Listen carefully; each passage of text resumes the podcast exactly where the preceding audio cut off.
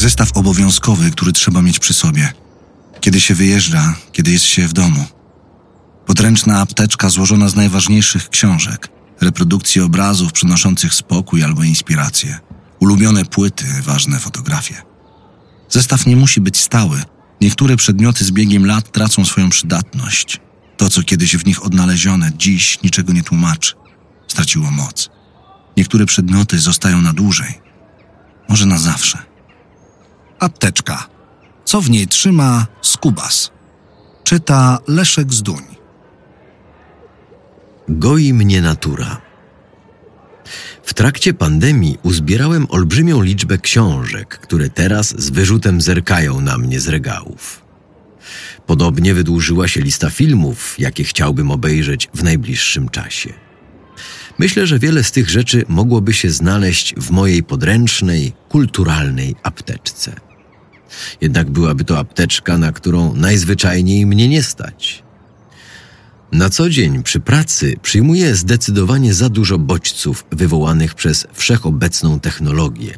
Dlatego bardziej niż kultura działa na mnie przyroda. To ona dodaje mi sił w momentach, w których potrzebuję natychmiastowej ucieczki od rzeczywistości online. Mimo, że zawodowo zajmuję się tworzeniem muzyki, to w czasie wolnym raczej mało jej słucham. Towarzyszy mi zazwyczaj, gdy prowadzę samochód lub biegam. Co ciekawe, często sięgam wtedy po numery z gatunku drum and bass.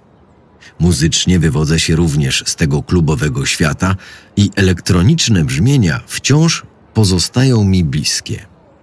Ostatnio coraz częściej myślę nawet o tym, by spróbować swoich sił jako producent. Życzyłbym samemu sobie, by powstała chociaż jedna tego rodzaju epka. Pewnie nie wszyscy moi fani by ją łyknęli, ale czy wszystko musi być zawsze robione w tym samym kierunku? Drum and bass to muzyka dla prawdziwych zapaleńców, a ja zdecydowanie jestem jednym z nich. Komponując takie kawałki, mogę sobie bowiem pozwolić na różnego rodzaju efekciarstwo i sound design, którego nie wykorzystuję przy tworzeniu tych bardziej lirycznych utworów. W końcu moja najbardziej popularna piosenka, Nie mam dla ciebie miłości, została oparta na trzech akordach zagranych na gitarze akustycznej. Mega ciekawi mnie, jak słuchacze odbierają moją muzykę, jakie emocje jest ona w stanie u nich wywołać. W szczególności zastanawiam się, jak zinterpretowane zostaną utwory na mojej najnowszej płycie Duchu. Teksty, które piszę, zawsze bowiem w jakiś sposób odzwierciedlają to, co sam przeżywam w danym czasie. Nie godzę się na śpiewanie słów, których bym nigdy nie wypowiedział. Przypuszczam, że jest to kwestią wyobraźni. Niektórzy ludzie, na przykład ci, którzy wywodzą się z teatru, potrafią wcielać się w różne postaci, śpiewając teksty piosenek. Ze mną jest jednak trochę inaczej. Mam spory pancerz i wzbraniam się przed tym, czego nie udaje mi się połączyć z osobistym doświadczeniem. Jestem muzycznym introwertykiem i tworząc piosenki skupiam się na swoim wnętrzu, ale też na wnętrzu innych ludzi, które od dawna i nieprzerwanie obserwuję. Najbardziej interesuje mnie bowiem człowiek i jego natura.